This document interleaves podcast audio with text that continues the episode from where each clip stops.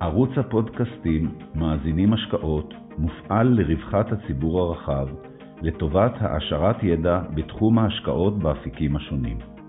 יוזמת ומפעילת הערוץ הינה חברת פיננסים ניהול הון פרטי בע"מ, העוסקת בייעוץ השקעות. מנחה הפודקאסטים הינו דוקטור איתי גלילי, מנכ"ל החברה. היי דניאל, צהריים טובים, תודה שאתה מפנה זמן לפודקאסט. אנחנו היום רוצים לדבר על אה, תחום ההתמחות שלך. אתה למעשה עומד בראש תחום שנקרא תחום אה, אינדיקטורים כלכליים מובילים בלמ"ס. נכון. ואנחנו נרצה לדבר קצת על, ה, על הפרסומים האחרונים שלך שנוגעים למצב הכלכלה, על מצב העסקים ועל מצב התעסוקה. ואני אשמח אם תוכל, אה, נוכל להתחיל את השיחה בזה שתסביר לנו מה זה, מה זה תחום אינדיקטורים כלכליים. אוקיי, אה, אז תחום אינדיקטורים כלכליים זה תחום שמאגד בתוכו שני סקרים שהם קצרי טווח. אה, הסקרים בלשכה המרכזית לסטטיסטיקה, אפשר לחלק אותם לסקרים קצרי טווח, שזה סקרים חודשיים שנותנים את התמונת מצב הנוכחית היום או לפני חודש, חודשיים. וסקרים שהם מבניים, שזה כמו סקר מחקר ופיתוח, וסקר נוסף שאני אחראי עליו שנקרא שימושים דיגיטליים, אה, סקר ICT, שזה סקרים שבודקים, נותנים אומדן שנתי על אה, איזושהי תופעה כלכלית, וזה לא משהו שמשתנה מהיום למחר. אה, ההשקעה במחקר ופיתוח בישראל היא גבוהה, ויש שינויים שקורים לאורך כמה שנים, אבל זה לא משהו שמשתנה ברמה החודשית. אז בואו נתחיל לדבר על סקר שאתם מפרסמים מדי חודש, אתה מפרסם, שנקרא סקר מגמות בעסקים. אה, שרק אני אגיד, הוא מתפרסם באתר, כמו כל הפרסומים שלכם, והוא זמין לציבור לקרוא אותו, אבל בוא, לפני שנסביר על, ה, על המסקנות שאתם רואים כרגע, איך בונים את הסקר הזה כל חודש? איך הוא, איך הוא בנוי? מי משתתף בו? אוקיי, okay, בואו, קודם כל, סקר מגמות, סקר אה, ייחודי, שהוא אה, בעצם אה, החליטו על, על זה שהוא אה, מתבצע בלמ"ס ברגע שישראל נכנסה ל-OECD, זה סקר איכותני שמתבצע בכלל מדינות ה-OECD. זה נקרא Business Tendency Surveys, וזה סקרים שפונים למנהלים של חברות ושואלים אותם בסולם דירוג איכותני על העבר, על החודש או שלושת החודשים האחרונים, על ההווה ועל הציפיות שלהם לעתיד. היתרון בסקרים כאלו זה שבעצם אה, גם המענה הוא מאוד מהר, כי אם אתה פונה למישהו ואתה שואל אותו האם המכירות עלו או ירדו, אז אתה יכול לשאול אותו את זה ממש בתחילת החודש, אה, על חודש קודם, ואם אתה תשאל אותו מספרים, הוא יגיד לך, אין לי את זה עדיין, זה בחשבות.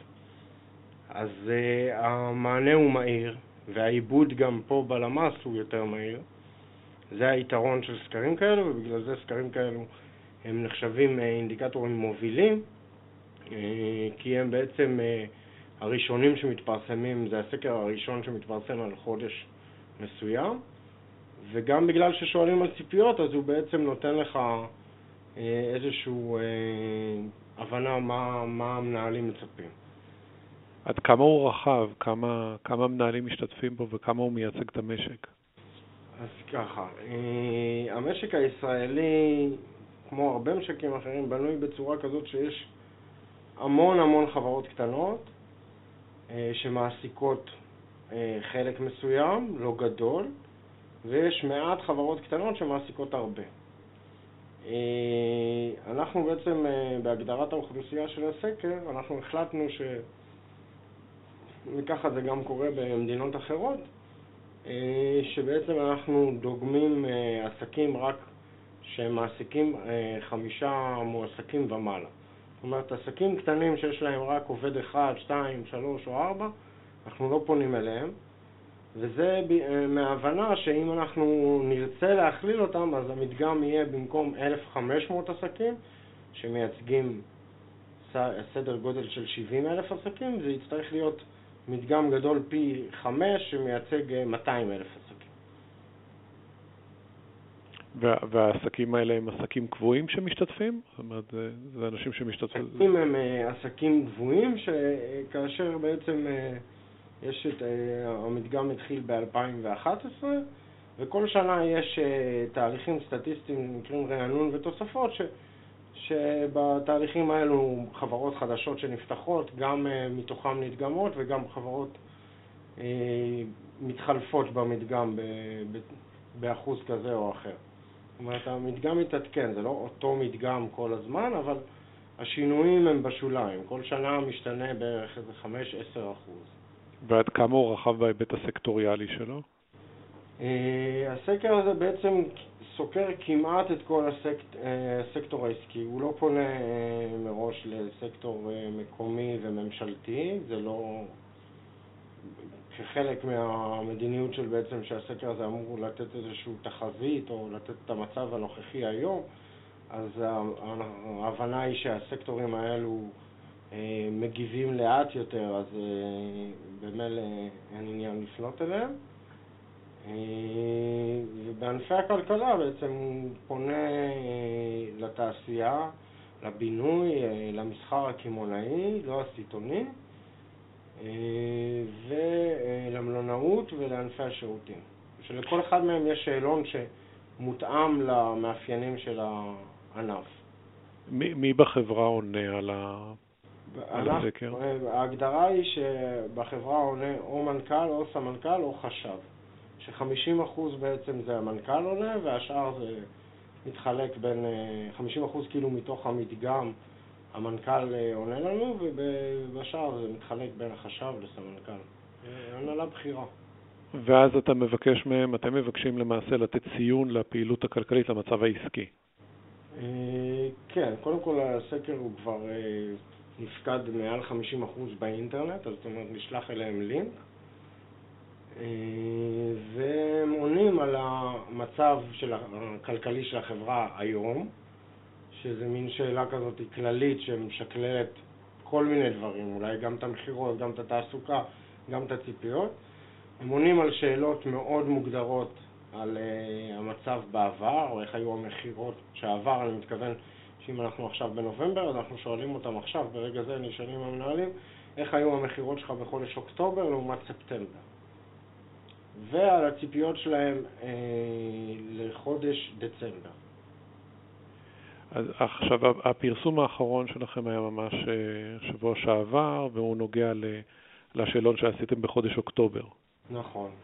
אז אתה יכול לתמצת, להגיד לנו מה, מה המסקנות של התמונה, הרי המצב של הכלכלה הוא מאוד, אה, מאוד לא פשוט, וגם יש שונות מאוד גדולה בין, אה, בין סקטורים. אז מה אתה למד מהמסקנות של, של הסקר האחרון? קודם כל, ב... אנחנו. בפרסום האחרון בעצם עשינו השוואה. אה, אם אנחנו מדברים שהנתונים של הפרסום האחרון נאספו בחודש אוקטובר, חודש שיש בו סגר, אה, אז השווינו את הנתונים אה, לחודש אפריל, חודש שהיה בו את הסגר הראשון.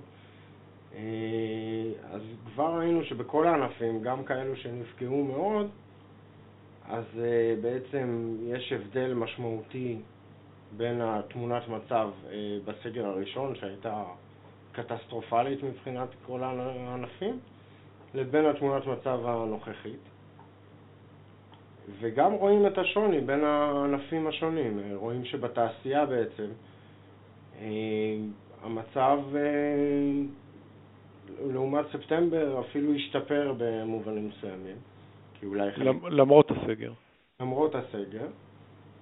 אה, ושאנחנו רואים שבמסחר הקמעוני המצב אומנם אה, החמיר לעומת אה, ספטמבר, ובטח לעומת אוגוסט, שהיה חודש שאנחנו מסמנים אותו בתור שיא של פעילות ריאלית מתחילת המשבר הזה, אז עדיין כשאתה משווה את זה לאפריל, וגם בנתונים של סקרים אחרים שאנחנו רואים, אז אנחנו רואים שהמסחר הקמעונאי אומנם ירד, אבל ממש לא באותו היקף. וחלק מהסיבה, אנחנו אה, גם ראינו את זה בסקרים אחרים, זה בעצם א', המוכנות של עסקים, הם הפעם כבר פיתחו אתרים, פיתחו דרכים לשליחויות, אה, והסגר לא הפתיע אותם בצורה כזאת שהם נשארו אה, ללא מכירות. ומה אם אתה תופס אותם בסגר של אוקטובר, אז מה הם צופים קדימה? אז uh, בתעשייה uh, בעצם, קודם כל התעשייה העילית, התעשייה אפשר לחלק אותה לארבע סוגי טכנולוגיות, אנחנו מחלקים אותה לתעשייה העילית שזה בעצם נחשב ההייטק, יש שם את ייצור רכיבים אלקטרוניים, ייצור כלי טיס וענייני נשק ו, uh, וייצור תרופות, ששם בעצם הציפיות רק גדלות וגם המצב הוא אה, יחסית תקין. אה, ויש תעשייה מסורתית, ייצור אה, נייר וייצור מזון. אה, אז אנחנו רואים שבסך הכל הציפיות לחודש הבא הן הן לא יורדות בצורה משמעותית. בענפים אחרים, קודם כל ענף המלונאות הוא בהתרסקות מוחלטת, וזה לא צריך סקר בשביל זה. וגם הצפי שלו הוא כזה, אני מניח. וגם הצפי שלו. אז הסקר, הנתונים האלה, הנתונים האלה זה, איזה שימוש עושים בהם? זאת אומרת, זה משהו ש... א', אה, יש מודל אה, שנבנה בשיתוף, על בסיס מחקר שלי ושל אה, בנק ישראל, של חוקרת מבנק ישראל בשם טניה סוחוי, שהמודל הזה לוקח את הנתונים של הסקר ועל בסיס זה נותן את התחזית אה, לתוצר, ובנק ישראל משתמש בזה, וזו תחזית שמובאת לפני הוועדה המוניטרית אה, יחד עם תחזיות אחרות לפני שהם קובעים את אה, הריבית במשק. דבר שני, זה גם משמש את אה, משרד האוצר וגופים אחרים שבעצם רוצים להבין מה הסנטימנט בסקטור העסקי עכשיו לפי הענפים השונים. אז אם אני מבין נכון את מה שאתה אומר, זה שבסך הכל בתמונה הכללית, התמונה, התמונה היא לא ורודה, אבל היא יותר טובה ממה שהיה ניתן לצפות לפני כמה חודשים. אה, כן, אנחנו ראינו את זה גם, אנחנו עושים סקר שהוא לא אה, סקר אה, קבוע, שנקרא סקר בזק למצב העסקים, ששם בעצם אנחנו בוחנים גם נתונים כמותיים, כמו כמה יצאו לחל"ת וכמה, ומה ההערכות לפגיעה בפדיון, ושם בעצם אנחנו גם ראינו שבכלל הענפים, בהשוואה לסגר הראשון, המצב שונה בצורה משמעותית. צריך לקחת בחשבון גם שמצד שני, אה, לרעת הסגר השני, זאת אומרת, אה, התמונה היא אומנם יותר אה, טובה, אבל מצד שני יש עסקים שהם כבר עם פגיעה מתמשכת, ואז בעצם זה עוד מכה שאולי זה יהיה הקש שישבור את גב הגמל. אבל כשמדברים על, על העסקים הגדולים ועל ה... על היקף תעסוקה, אז אנחנו רואים שבסגר הזה אה, גם אפילו המסעדות הצליחו בעצם לשמור על איזשהו היקף תעסוקה של איזה 40 אחוז, למרות שהן היו סגורות לגמרי. עוד לפני אה, האפשרות של טייק אווי, עדיין ההיקף של המשלוחים הצליח להחזיק 40 אה, אחוז מהיקף התעסוקה שם, להבדיל מהסגר הראשון שהם היו ממש ממש מינוריים. אז זה למעשה גורר אותנו לפרסום השני של עמידת התעסוקה. שיש פה שאלה לגבי, הנתונים הם לא ברורים, כמה אנשים עובדים, כמה אנשים נמצאים בחל"ת ומה המשמעות של החל"ת. אז איך אתה, איך אתה מתייחס ל, לנתונים שאתה רואה בשוק התעסוקה? האם, האם השוק הזה מתאושש, הוא צפוי להתאושש אה, עם המודל הזה של החל"ת, או איך זה משפיע עליו? אה, זה משהו לגבי המודל של החל"ת, אין לי בדיוק השוואות ל, לעשות, או המלצות מדיניות, זה לא התפקיד שלנו. אה, אנחנו רואים במשבר הזה באופן אה, עקבי מההתחלה, וזה לא רק במדינת ישראל, המשבר הזה פוגע יותר בעסקים קטנים. וזה גם פוגע יותר בעסקים שלא היו מוכנים מבחינה תשתיתית של, מן הסתם בענפי ההייטק שהם היו יותר פתוחים לעניין של לעבוד מהבית, אז בהתחלה היה פגיעה ו- ומהר מאוד הם הגיעו למצב לא מורגשת הפגיעה, מעבר לזה שיש תחומי פעילות מסוימים בהייטק ש, שהביקוש שלהם רק גדל. אז זה בהקשר של התעסוקה. למה אתה קורא עסקים קטנים? עסקים קטנים אצלנו זה בעצם, יש לנו עסקים שהם מעסיקים בין חמש, חמישה עובדים לעשרה עובדים, ובין 11 עובדים עד ל-50 עובדים, זה, זה בערך, אפשר לתת פה את הגבול של עסקים קטנים, ש, שבכל פרמטר שבחנו בעצם, הם, הם הרגישו את המשבר הזה יותר חזק. החל מ... אה, הם שחררו הרבה יותר עובדים לחל"ת ולפיטורים, והם אה, מדווחים על אה, פגיעה בפדיון חמורה, והם גם, חלק לא קטן מהם בסכנת סגירה. ולמעשה העסקים הגדולים שנניח מעל 100 עובדים או מעל 250 עובדים, הפגיעה, אני מבין, היא לא, היא לא גבוהה. בתחילת המשבר היה אה, בעצם אה, משבר עולמי, שגם עסקים גדולים, אה, פתאום העניין של ההזמנות והייצוא התערער אצלם. אבל עכשיו, כשאנחנו מדברים בנקודת, בנקודת המוצא שלנו עכשיו, אז העסקים הגדולים, אנחנו רואים שהם חזרו כמעט לאותה תעסוקה שהייתה להם לפני המשבר. כמובן, צריך לסייג את זה, זה תלוי בענפים. זאת אומרת, דווקא בענף נניח המסעדות, אתה יכול לחשוב על, אה, על אה, רשתות אה, גדולות שאולי נפגעו יותר מחומוס מקומי שעושה הרבה משלוחים ומצליח לעמוד ב... ואפילו חווה ביקוש יותר גדול. אבל זה הענף היחידי בעצם שאולי שם העסקים הקטנים נפגעו פחות מהגדולים.